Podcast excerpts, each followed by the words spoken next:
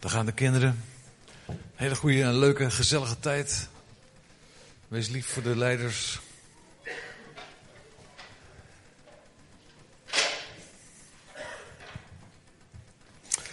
Ja, tegenwoordig in zo'n zo'n tijd waarin we allemaal uh, telefoons hebben met allerlei apps erop, is er ook een aantal jaren geleden een zogenaamde buurt-app gemaakt.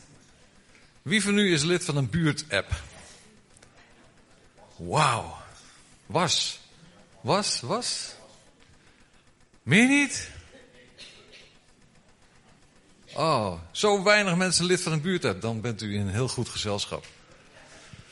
Het blijkt namelijk dat uh, er is een, uh, een hoogleraar uh, psychologie van de, van de Universiteit van Amsterdam, de heer Damien Denis. Die heeft onderzoek gedaan en die heeft gezegd: eigenlijk is, het, is een buurtapp ontstaan vanwege een soort onveilig gevoel. En je wilt de buurt veilig houden. En uh, je kunt aan elkaar doorgeven: hey, ik zie daar een, een auto staan, die staat al een hele tijd met draaiende motor. En die man die lijkt het op uh, het huis aan de overkant uh, gemunt te hebben of zo. Wat doen ze daar toch? Dan zet je dat in die buurtapp en dan ziet iedereen dat. En iedereen wordt dus steeds meer bang gemaakt, zegt hij. Een buurtapp schept juist geen veilig gevoel, maar een onveilig gevoel. Goed dat u niet lid bent van een buurtapp. U kunt beter, beter lid zijn van de app van, uh, van uw uh, uh, huiskring.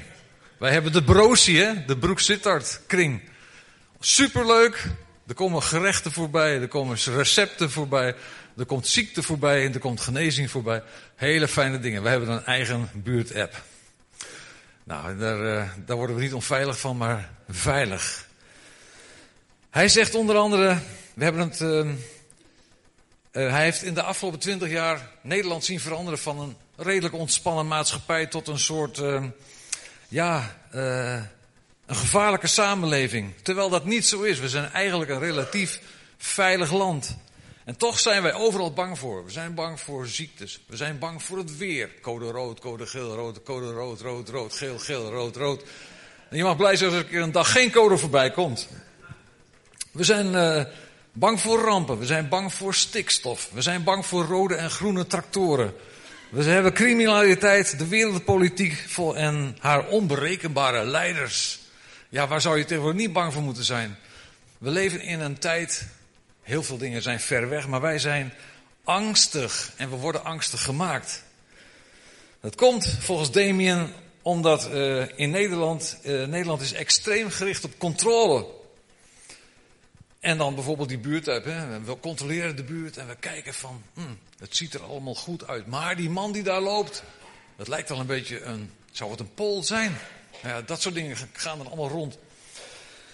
Weet u, angst Angst kan heel veel doen met mensen.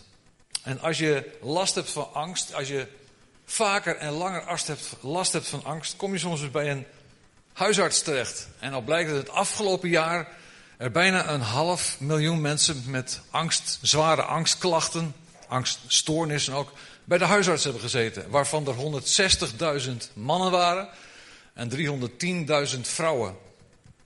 En de piek, als je dat kijkt in leeftijds, categorieën, dan ligt de piek tussen de 25 jaar en de 40 jaar. Die mensen die hebben de grootste angstklachten. En het is ook wel te verklaren dat er 160.000 mannen en 310.000 vrouwen zijn. Dat heeft verder niks met dat vrouwen meer bang zijn. Of mannen gaan liever niet naar een dokter met dat soort klachten. Maar mannen zijn, dat is ook al een, een, een angst. Mannen zijn bang voor een dokter. Ja, ja, ja. Mannen zijn eigenlijk zielige mannen. Ja, ja, als, als vrouwen 40 graden koorts hebben, zeggen ze, ik voel me niet helemaal lekker vandaag. Uh, nou, kun je misschien alleen naar school lopen, dan ga ik even niet mee. En ze beginnen te stofzuigen. En als mannen 37,1 hebben, zeggen ze, ha. Amen? Oké, niet allemaal.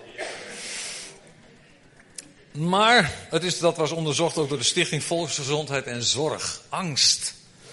De Wereldgezondheidsorganisatie die stelt dat mensen die dus leven met zo'n zo'n angst, met een zware angst, angststoornis, maar het kan ook een, een ja, angsten zijn die, die steeds terugkeren. Uh, dat soort mensen voelen zich natuurlijk vitaal niet goed. Ze hebben problemen met het normaal functioneren in hun leven, omdat ze toch altijd op de achtergrond die angst die draait mee. En uh, ja, die, die ervaren hun gezondheid als minder goed. Nou heeft lang niet iedereen natuurlijk een angststoornis. Maar angst kennen we eigenlijk allemaal wel. We zijn wel eens bang geweest voor een kind wat erg ziek was, een kind met hoge koorts. We zijn wel eens bang geweest toen er net op tijd een auto remde vlak voor ons. Of als je gekke dingen ziet gebeuren op de weg. We hebben ook eens een keer aan de linkse kant van de baan gestaan. Dat er twee idioten voor ons renden. Die hadden ruzie. En wij kwamen daar achteraan. En ik kon niet op de andere baan komen. En dan kijk je in je spiegel en denk je van... Komt er een vrachtwagen achter me aan die me niet ziet? Angst. We hebben allemaal wel eens last ervan. Angst heeft ook een hele nuttige functie. Op het moment dat je angst gaat ervaren, krijg je een boost adrenaline. En op dat moment betekent het dat je sneller kunt schaatsen dan Sven Kramer. Betekent het dat je meer spierballen hebt als Epke Zonderland. Op dat moment gebeuren er dingen in je lichaam. Ja, dat is ongelooflijk. Het is dan, uh, nou, fight or flight. Je, kunt dan, je, je, gaat dan iets in je lichaam ervaren van uh, ik ga terugvechten of ik ga vluchten. Eén van die twee. Sommige mensen die, die, gaan, die nemen direct beslissingen en die, uh, die nemen een gevechtshouding aan. En die, die, die zorgen dat ze in de afweer komen. En andere mensen die vluchten direct. Er zijn ook wel mensen die door angst helemaal verstijven en niet meer weten wat ze moeten doen. Dat kan ook gebeuren. Maar angst doet iets met je lichaam. Ook lichamelijk dus. Het is een hele belangrijke en nuttige functie en het valt onder de emoties. Angst is een hele belangrijke emotie. Er zijn andere emoties, vreugde, afschuw, um, bedroefdheid, verdriet, boosheid. We hebben al gezegd, angst is iets wat we allemaal wel meegemaakt hebben. Nou is angst ook iets, ja, misschien toen u tot bekering kwam, dacht u van, ja, waar zou u nou nog bang voor zijn, hè? Waar zou je nou nog bang voor zijn? Als je net tot bekering komt, dan kan je de hele wereld aan. En dat is natuurlijk ook zo, hè? in Christus. Amen. Oké. Nou, maar angst en vrees is toch een thema wat door heel de Bijbel heen altijd weer terugkomt. Het is niet zo dat de Bijbel zegt van, ik maak er een populair boek van. En uh, al dat soort dingen, wat lijkt op, uh, ja, op, op, op uh, ja, dat, dat je het niet kunt redden in het leven, dat haal ik er allemaal uit. Nee, God heeft gezegd, alles komt daarin te staan. Alle failure, alles waarin je faalt, maar ook alle overwinningen. Nou, hij heeft ook heel veel dingen laten optekenen over angst en vrees. Er wordt gezegd, ik heb dat niet allemaal uitgepl uitgeplozen deze afgelopen dagen dat ik hiermee bezig was. Maar er wordt gezegd dat het woordje um, heb geen angst of vrees niet, wees niet angstig dat dat meer dan 365 keer in de Bijbel voorkomt. Dat zou betekenen dat er zeker voor iedere dag zo'n tekst voorbij kan komen van vrees niet, heb geen angst, wees niet bang, ik ben met je. Aan de andere kant is het ook zo, ook al zou het er maar één keer in staan, dat was genoeg voor iedere dag. Amen. Want als, als, als er bijvoorbeeld in Jozua staat van, uh, zie, ik, uh, ik begeef u niet, ik verlaat u niet, dan kom je dat misschien ergens anders niet tegen, maar dan dan kun je iedere dag die, die tekst uh, memoreren. Zeggen, Heer, hij staat er, Jozua, hij staat er. U begeeft me niet, u verlaat me niet. En ook vandaag geldt die tekst voor mij. Die hoeven, er geen, die daar geen 365 keer in te staan. Maar goed, de Bijbel heeft het dus wel over angst en vrees. Nou gaan we eventjes naar het volk. Het volk, de Israëlieten. Ze waren uitgeleid uit Egypte. Ze waren door de Schelfzee gekomen. Op een wonderbaarlijke manier. En ze hadden daar een bijzondere overwinning ervaren. Na een hele periode van angst. Want je ziet daar voor je een, een, een, een zee. En achter je, daar zie je stofwolken van aankomende uh, ja, legers van Farao. Wat moet je? Maar Mozes op een wonderbaarlijke manier mocht het volk door de, door de hand van God uitleiden. Door de, door de Schelfzee heen op weg naar het beloofde land. En zo kwamen ze aan de overkant van de Schelfzee in de woestijn. En wat deed Mirjam? Mirjam die ging voor. En ze was verheugd. Ze pakte de tamboerijn. kon er al net eentje vinden hier. Halleluja, halleluja, halleluja. Het hele volk ging achteraan. In rijdans en blij. Vooral de, man, eh, de vrouwen staat. De vrouwen gingen in rijdans erachteraan. Mannen keken en die klapten waarschijnlijk. Maar uh, zij ging voor in rijdans. En Mozes was natuurlijk de held. God was de held, maar Mozes mocht het in zijn naam doen. Wat een geweldige momenten zullen dat geweest zijn. En zo liepen ze door die woestijn op weg naar de grens van het beloofde land. En het was een enorm volk geworden.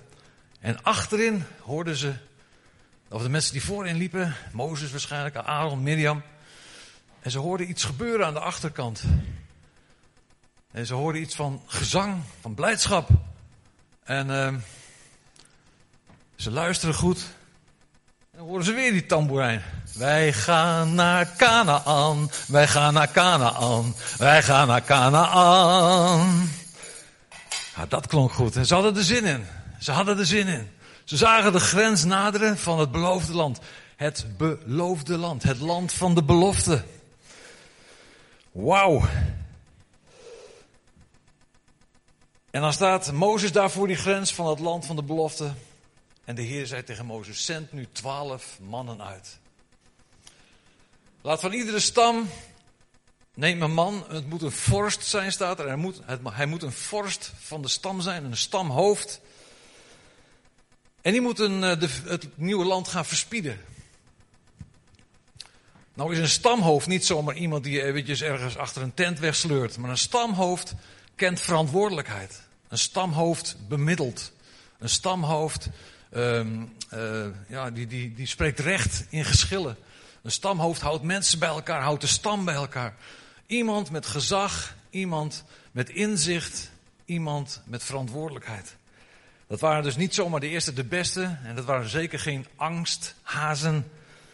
En zo gingen die twaalf verspieders op weg. Het volk bleef nog in de woestijn tegen de grens aan. Zij staken over en ze komen daar. En veertig dagen lang zwerven ze rond door Canaan. Van het noorden naar het oosten, naar het westen, het zuiden. En zo komen ze terug. Ze hebben die opdracht meegekregen. Kijk hoe het land eruit ziet. Kijk of het vet is of schraal. Kijk of er zware en grote onmuurde steden zijn. En kijk hoe talrijk het land is. En ook een hele leuke die ik tegenkwam in datzelfde stukje. En kijk of er bomen staan. Ik denk, ja, wat is dat nou voor opmerking? Kijk of er bomen staan. Maar ja, goed, het staat erin. In zo'n enorm land, kijk of er bomen staan.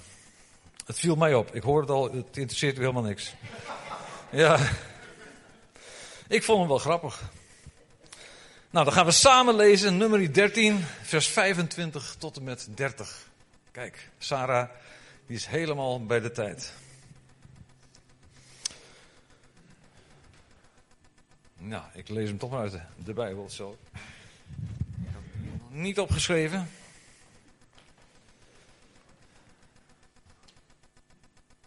Nummer 13. 25. Na verloop van 40 dagen keerden zij terug van het verspieden van het land. En ze gingen op weg en kwamen tot Mozes en Aaron en de gehele vergadering der Israëlieten in Kades, in de woestijn Paran. En ze brachten hun en de gehele vergadering bericht. Zij toonden hun de vrucht van het land. En ze verhaalden hem dan en zeiden: Wij kwamen in het land waarheen gij ons gezonden had. En ja, het vloeit van melk en honing. En dit is zijn vrucht. En die vrucht die werd dan gedragen door twee mannen. Een enorme druiventros. Kun je lezen, die moest met twee mannen gedragen worden. En ze hadden granaatappelen mee, ze hadden vijgen mee. Het was een rijk land. Het volk echter dat in het land woont is sterk en de steden zijn ommuurd en ze zijn zeer groot. En ook de kinderen van Enak zagen wij daar. Amalek woont in het zuiderland, de Hethieten, Jebusieten, Amorieten, ze wonen in het bergland, de Kanaanieten aan de zee en aan de oever van de Jordaan. Ja, wat doe je dan toch? En Caleb, die had een ander woord. Ja. En daarop trachtte Caleb het volk tot bedaren te brengen tegenover Mozes. En hij zei: Laat ons gerust optrekken en het in bezit nemen, want wij zullen het zeker kunnen overmeesteren. Zo heb je eigenlijk, Caleb, die stond daar samen met Jozua, ze waren ook op pad geweest. En eigenlijk had je nu tien mannen en twee mannen. De tien stonden aan die kant bij Mozes en die twee die stonden aan de andere kant bij Mozes. Zo stel ik me dat voor. Jazeker, het land vloeit van melk en honing. En tegen hun kunnen we niks maken. En dan staat er, we hebben zelfs reuzen gezien.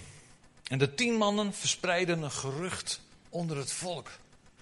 Die zin die, zin, die staat er ook in, in, in dat hoofdstuk. De tien verspreiden een gerucht onder het volk. Wat voor gerucht? Wat is dat? Dat is een, een leugen, dat is een, een vals getuigenis. En hier zie je natuurlijk heel duidelijk de duivel aan het werk. Zo is angst in, in deze gevallen sowieso een heel belangrijk wapen in de handen van de duivel. Van Gods tegenstander. Angst zaaien, zodat mensen van Gods weg en van Gods plannen afwijken. En die angst die wordt gevoed door Satan. Maar dan komt er een geloofsman naast Mozes staan die zegt van... Laat ons gerust optrekken tegen dit volk. Laten we het in bezit nemen, want wij zullen het zeker kunnen overmeesteren. De man met geloof, de man met visie, Caleb en Jozua daarnaast. Dan heb je die andere tien, die zijn in de meerderheid en het volk houdt van meerderheid. Dat, dat, is, dat is bijna altijd zo. Het volk houdt van meerderheid. Als er meer mensen dat denken, dan zal het wel zo zijn. De tien hadden nog een laatste troef. Let op wat ze zeggen. Ook zagen wij reuzen en wij waren in onze eigen ogen als sprinkhanen. En ook in die van hen. En daar heb ik over nagedacht. Ik denk, ik kan me voorstellen dat, dat, dat de tien zeggen van, wij waren in hun ogen als sprinkhanen. Maar dan zeggen ze, wij waren in onze eigen ogen en in die van hun als sprinkhanen. Wat gebeurt er dan in die mensen? Hier zie je duidelijk wat angst met je doet. Je zelfbeeld vertroebelt, je zelfbeeld verdwijnt bijna. Je schrompelt in elkaar. Je zelfvertrouwen schrompelt in elkaar. Je bekijkt jezelf als een springhaan in plaats van een familiehoofd. Mannen met, met power. Je verschrompelt als een springhaan. Je kracht vloeit uit je weg. Je voelt je de mindere. Angst zaaien is wat ik net zei ook al het meest gebruikte wapen van Satan. Hij zaait eerst een tapijt van angst en daarop gaat hij verder bouwen. Als dat één keer gezaaid is en het begint wortel te schieten, dan kan hij zijn gang gaan. Ah, jij, je bent een zwakkeling. Je bent een slapje.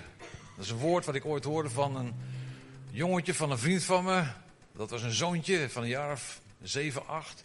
Die zei tegen, zijn vader, die zei tegen ons, mijn vader, mijn vader is een slapje, die kan niks. Nou, dat vond ik een geweldig mooi woord. Ik mocht het niet tegen hem zeggen, maar hij is een slapje. Dus jij bent een zwakkeling, je bent een slapje, je durft geen stap meer te verzetten. Je wordt kleiner en kleiner en kleiner, de sprinkhaan en de reuzen worden groter en groter en groter. Het verschil wordt, wordt enorm.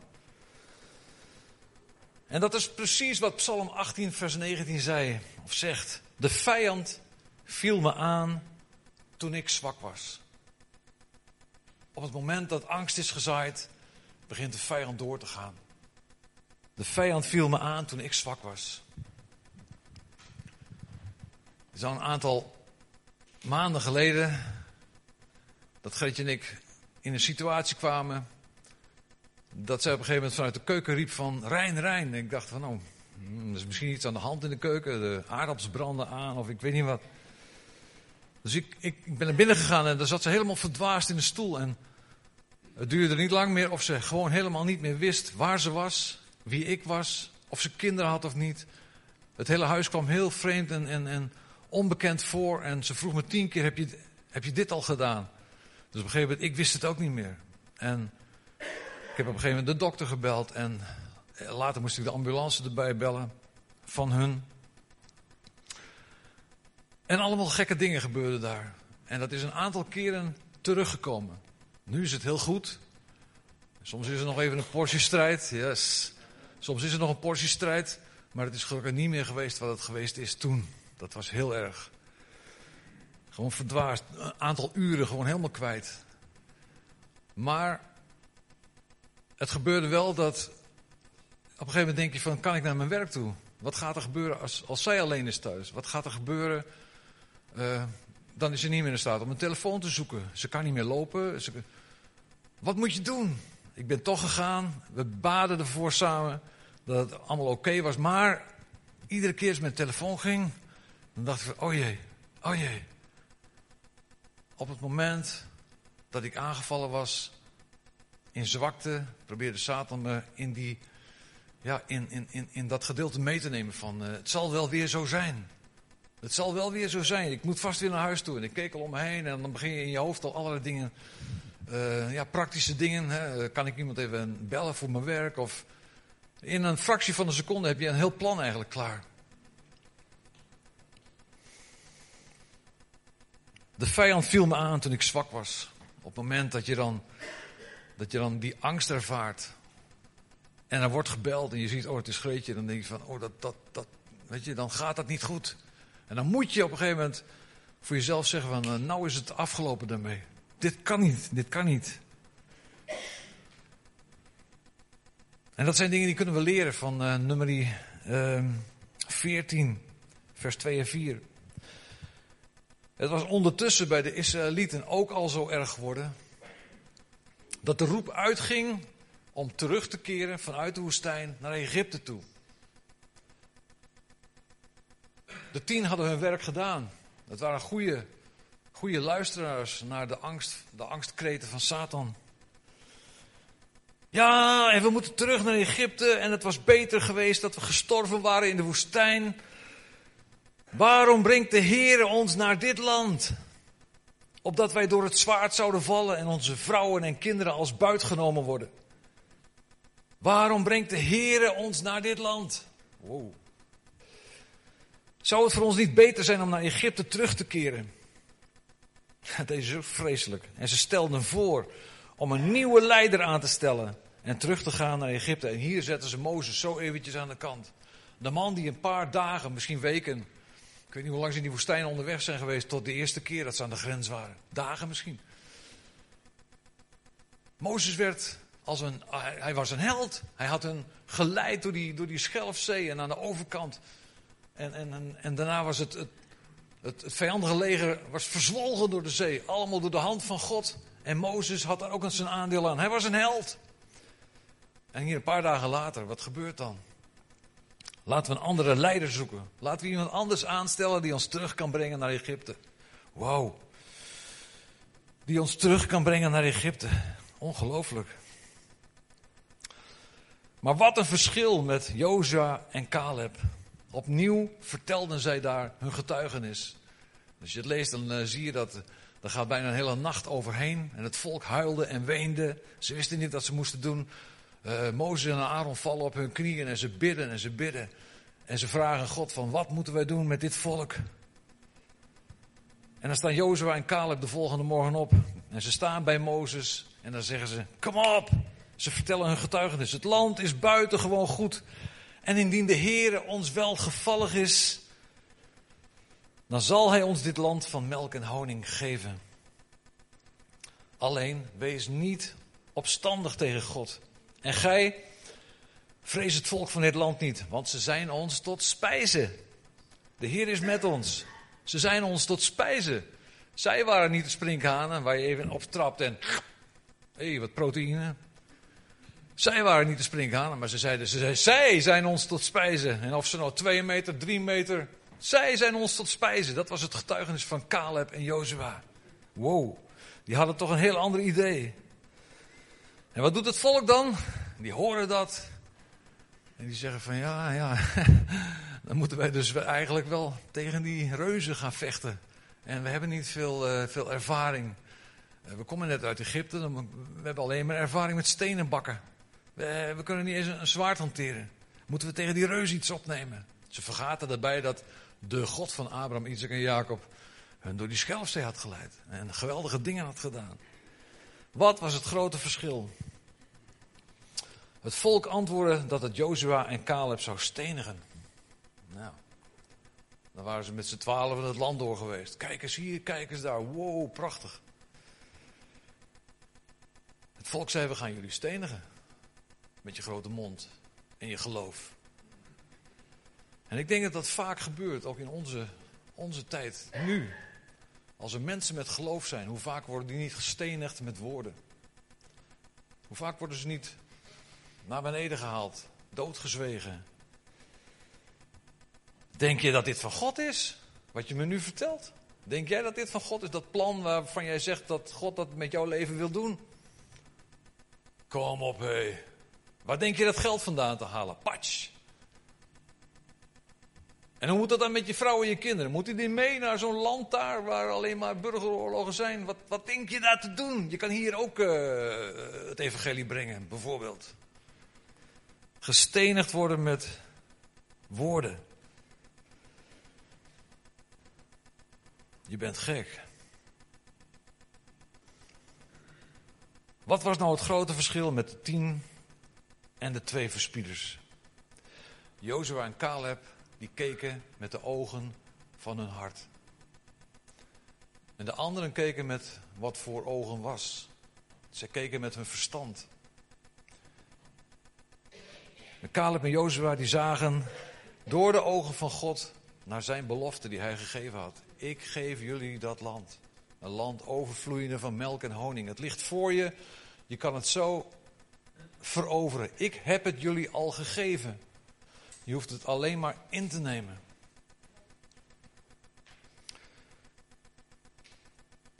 Is dit misschien waar Paulus in de brief naar de Efeze op doelt? Efeze 1, vers 18 en 19. Als hij zegt: Mogen uw hart verlicht worden, zodat u zult zien waarop u hopen mag, nu hij u geroepen heeft. Hoe rijk de luister is die heiligen zullen ontvangen. En hoe overweldigend groot de krachtige werking van Gods macht is voor ons die geloven. Dat is een hele lange zin, een echt een Pauliaanse zin. Nog één keer. En, en, en bedenk dan, hou dan Jozua en Caleb voor ogen. Mogen uw hart verlicht worden, zodat u zult zien waarop u hopen mag nu hij u geroepen heeft. Hoe rijk de luister is die heiligen zullen ontvangen. En hoe overweldigend groot de krachtige werking van Gods macht is voor ons die geloven. Wordt het verschil bij Jozua misschien daarin gemaakt dat er voor hem geschreven staat: Hij week niet uit de tent ter samenkomst. Exodus 33. Jozua was altijd te vinden in de tent ter samenkomst. Hij was altijd in de aanwezigheid van God. Mozes was daar, maar Jozua was er ook altijd. Had het daar misschien mee te maken? Jozua geloofde God. Jozua was een man vol van geloof. Jozua was een man Gods. En Caleb, daar lees je dat niet van, maar van Caleb lees je iets anders. Van hem wordt gezegd, even verder in nummer 14, dat hij een andere geest had en de Heere volkomen gevolgd had. Wauw, dat is een goed getuigenis, hè? Hij had een andere geest en hij had de Heere volkomen gevolgd. Deze twee mannen dat is een hele bijzondere combinatie. Daar win je de wereld mee. Dat is het geheim van een leven vol vertrouwen en een leven zonder de angst die jou knecht en die je bindt. Zij gingen niet mee met wat gezaaid werd aan die kant, de angst. Maar zij hielden voor ogen wat God gezegd had. Zo wil ik ook zijn. De verspieders, die tien en het volk zat er toch nog een stuk Egypte in het volk. Ze kenden de getuigenissen van vroeger. Ze hadden meegemaakt onder Mozes wat gebeurd was door de Schelfzee. En toch, ze wisten van de wonderen die ze zelf hadden meegemaakt onder Mozes. Toch is ditgene wat ze uitspreken. Wij gaan tegen Gods plannen in. En we worden liever weer slaaf in Egypte dan vrij te zijn in het land der belofte. Wij worden liever slaaf in Egypte dan vrij te zijn in het land van de belofte. Jeetje. En het volk staat dan nu op een scheidslijn. In de woestijn. Daar ligt de grens. Daar ver achter, daar ligt Egypte. En dit is gebied, daar moet het nu gebeuren. Wat gaan we doen? Achter hen Egypte. En Egypte um, markeert een bepaalde tijd van zekerheid. En dat was absoluut geen makkelijke tijd, want ze moesten keihard werken. Maar ze wisten wel dat ze eten hadden. Ze wisten dat ze onderdak, onderdak hadden. Ze hoefden niet te vechten tegen reuzen. Er was een bepaalde zekerheid. Er was geen knagende onzekerheid. Het ging zoals het ging en het was elke dag hetzelfde, maar het ging zoals het ging. Makkelijk? Nee. Maar het was een bepaalde zekerheid en het gaat zoals het gaat en het gaat zoals het gaat. Voor hen lag het land van de belofte. Er was geen zekerheid van voedsel. Ja, ze hadden dingen meegenomen die ze hadden laten zien. De, de grote druivenstrossen en de dadels en de granaatappelen. Maar die moesten bevochten worden. Die lagen daar niet op hun te wachten op een prachtige tafel net over de grens. Die moesten bevochten worden. Er was geen dak, geen onderdak. Er was geen huis. Er was eigenlijk alleen maar onzekerheid. En de strijd lag voor hun. De Enakieten, de reuzen. Er was geen wereldse zekerheid. Er moesten stappen in geloof worden gezet, ziende op de God van Israël. Ja, waar kies je dan voor? Ga je weer terug? Nou ja, goed, we hebben het altijd gedaan. We hebben het altijd gedaan, stenen gebakken, maar ja, ach, we hadden het ook wel leuk met elkaar. Je kon er wat moppen tappen met elkaar. En onder, oké, er was wel eens iemand die een klap kreeg, maar dat ging eigenlijk best wel oké. Het was een bepaalde zekerheid. En het ging zoals het ging. Elke dag was uitgestippeld. En weet u dat dat, dat idee, dat doet me zo sterk denken aan religie. Je bent wel met God bezig, maar het gaat zoals het gaat. En ach ja, het gaat zoals het gaat. En waarom zou je zo moeilijk doen? Want het kan ook zo makkelijk. makkelijk ja, ach, nou ja, er is wel eens wat moeite en wat strijd, maar het gaat zoals het gaat en ik ben er wel tevreden mee. Egypte. Religie. Leven vanuit je gevoel. Leven vanuit dingen beredeneren vanuit je verstand. Voelt het even niet lekker? Ah, mm, dan parkeren we God eventjes aan de kant. En morgen zien we verder. Het gaat toch zoals het gaat. Maar nu, op die scheidslijn van religie en relatie. Dat is het land van de religie en dat is het land van de relatie. En wij staan op die scheidslijn.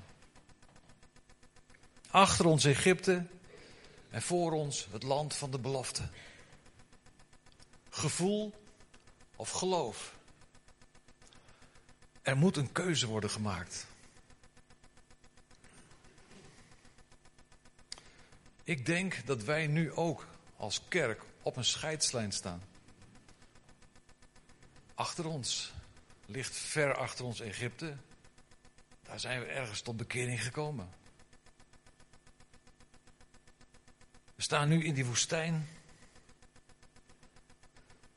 We hebben in de achterliggende woestijntijd mensen verloren. Het volk was een stuk kleiner geworden. Alleen de mensen van 20 jaar of tot 20 jaar, die mochten mee in het land der belofte binnen. Zij verloren veel mensen in die woestijntijd. Dat is bij ons ook zo geweest. Wij staan nu op die scheidslijn. Gaan we het land van de belofte binnen? Of vinden we dat heel moeilijk? Vinden we dat te lastig? Want we moeten, daar moeten we vechten. Daar moeten we geloof gaan tonen. Daar moeten we dealen met onze angst. Want ook Jozua had angst. God zegt niet voor niks tegen hem, vrees niet, sidder niet, word niet verschrikt. Ik ben met je. Ik zal je niet begeven en je niet verlaten. Jozua kende ook zijn angst. Maar hij kende ook de kracht van de, van de geest die hem bijstond. Die hem zei van, oké angst, ik deal met jou.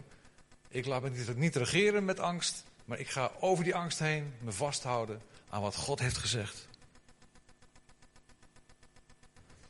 Staan wij klaar om dat land van de belofte in te nemen? En die vraag wil ik graag in uw midden leggen. Hoe gaan we daar zelf mee om? Wat is jouw verlangen? Wat is uw verlangen? Waar staat u nu? Kijkt u nog achterom? Of zegt u van, ja, misschien kijk je achterom en ja, dat, dat nieuwe, dat, dat, dat land kan je alleen maar innemen met geloof. Ik, ik moet daar keuzes maken. Ik moet daar bewust uh, dingen gaan opruimen. Ik moet me bewust gaan richten op, op, op God en in geloof gaan leven. Maar dan mogen we ook pakken wat hij beloofd heeft. Ontvangen. Of ik denk, nou, het was daar ook niet zo slecht. Ach, God is toch met me. Hij verlaat me toch niet. Ik mag me vasthouden aan hem. En het gaat zoals het gaat. Maar je mist ook die geweldige zegeningen van God. Want tegen Jozua werd gezegd: iedere plaats die jouw voedsel betreedt, die ga ik jou geven. Het ligt al klaar. Je hoeft er alleen maar je voet op te gaan zetten. Al die beloftes van God, ze zijn daar, ze liggen daar. Wat ga je doen?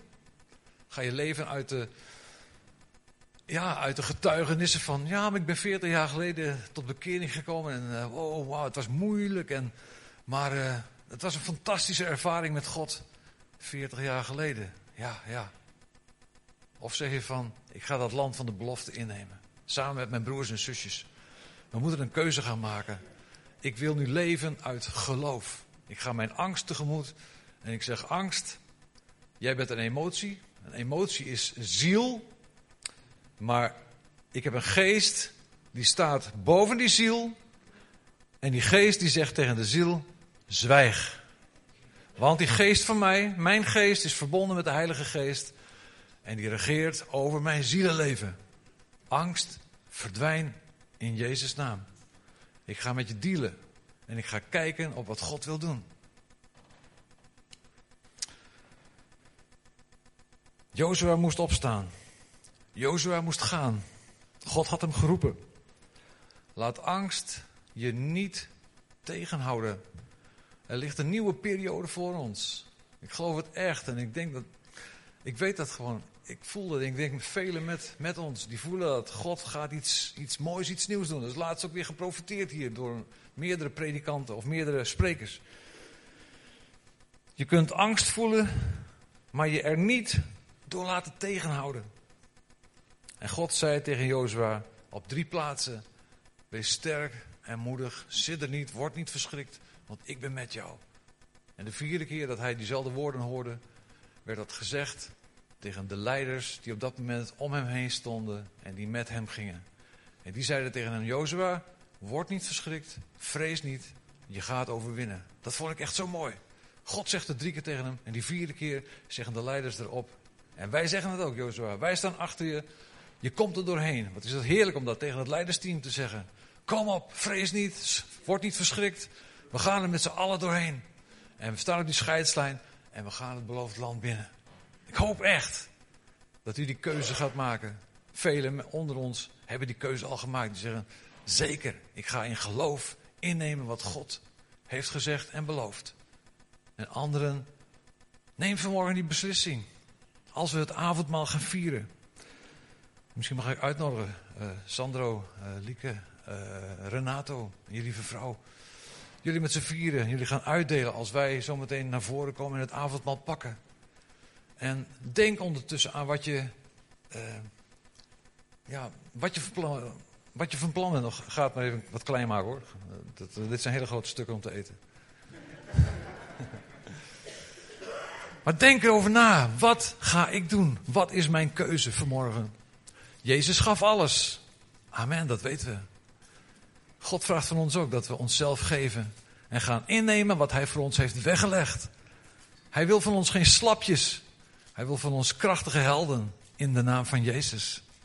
Bent u het daarmee eens? Wauw. Ik ben het daarmee eens, yes. We gaan het avondmaal met elkaar vieren. Kom zo meteen naar voren toe. Uh, de muziekgroep gaat ook, uh, die kan nu naar voren komen. Misschien een stukje instrumentaal of zo eerst. En kom naar voren, misschien van achteren uit. En uh, neem het avondmaal. U weet wat, uh, wat Paulus daar gezegd heeft over het avondmaal. Mm. Want zelf heb ik bij overlevering van de Here ontvangen. Wat ik u weder overgegeven heb, wat ik u hier gezegd heb. Dat de Heer Jezus in de nacht waarin hij werd overgeleverd, een brood nam, de dankzegging uitsprak, het brak en zei: Dit is mijn lichaam. Dit is mijn lichaam voor u. En doe dit tot mijn gedachtenis. Evenzo ook de beker nadat de maaltijd afgelopen was. En hij zei: Deze beker is het nieuwe verbond in mijn bloed. Doe dit zo dikwijls gij die drinkt tot mijn gedachtenis. Want zo dikwijls gij dit brood eet en de beker drinkt, verkondigt gij de dood des Heren. Dus doe het op een waardige manier, zegt Paulus. Doe het op een waardige manier. Zorg dat de dingen tussen jou en God in orde zijn. Anders dan haal je een oordeel over jezelf. Maar op dit moment kun je dingen in orde maken. Misschien iemand in de zaal waar je al niet tegen praat. Loop erheen. Of iemand die er nu niet is. Je kunt zeggen, Heer God, vergeef me. Ik ben fout geweest. Ik ga het in orde maken. Maar vergeef me. Dus doe het niet op een onwaardige manier. Want dan haal je een oordeel over jezelf. De Bijbel is daar heel duidelijk over. Aan de andere kant zegt de Bijbel, kom, neem en eet. Je mag komen, je mag eten en drinken. Je mag deel hebben aan het avondmaal. En denk erover na. Waar sta jij? Zullen we samen die grens overgaan? Wil jij meegaan over die grens? Samen het beloofde land innemen. Die beloftes van God. Iedere plaats die je voedsel betreedt, die geef ik jou. Iedere zegening die ik voor jou heb weggelegd, die heb ik je al gegeven. Ontvang hem. Neem hem in bezit. Word sterk, niet van jezelf, maar in mij.